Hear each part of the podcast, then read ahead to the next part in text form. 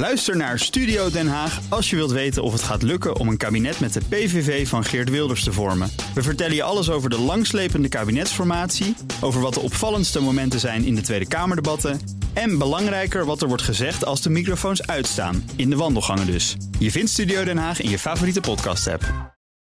De column van Bernard Hammelburg.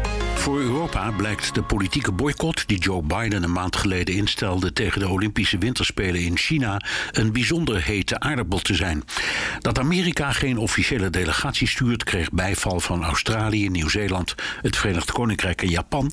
Maar in de EU-lidstaten zitten de regeringen naar elkaar te kijken en je ziet ze hopen dat deze kwestie vanzelf overwaait. Koning Willem-Alexander speelt heel slim de coronakaart. Hij gaat niet omdat hij het raar vindt om erbij te zijn, terwijl de fans vanwege de pandemie niet welkom zijn. De Duitse minister van Buitenlandse Zaken, Annalena Baerbock, sluit zich aan bij de manoeuvre van Biden.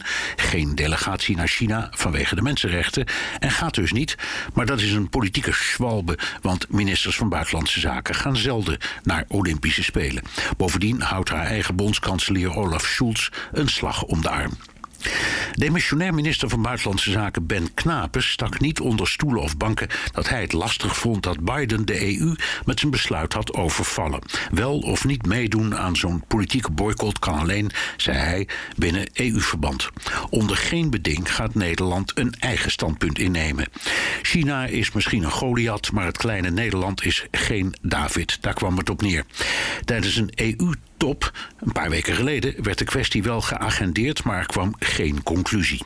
Litouwen was wel duidelijk geen delegatie. Maar dat was omdat het land toch al knallende ruzie met China heeft vanwege het aanhalen van de banden met Taiwan. Hongarije vond de hele discussie zinloos en Oostenrijk meent dat je van de Spelen geen politieke pion moet maken. Dat Europese standpunt komt er dus simpelweg niet. Voor China is daarmee al meer bereikt dan het hoopte, want Biden heeft in Chinese ogen de Europese landen in deze kwestie uit elkaar gespeeld.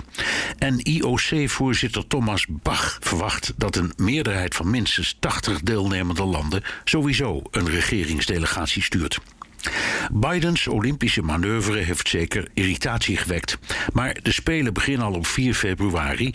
Te snel om het nog eens met de Amerikanen of onder EU-lidstaten uit te praten.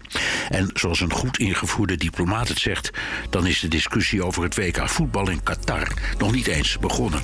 Welke regering durft daar een delegatie heen te sturen?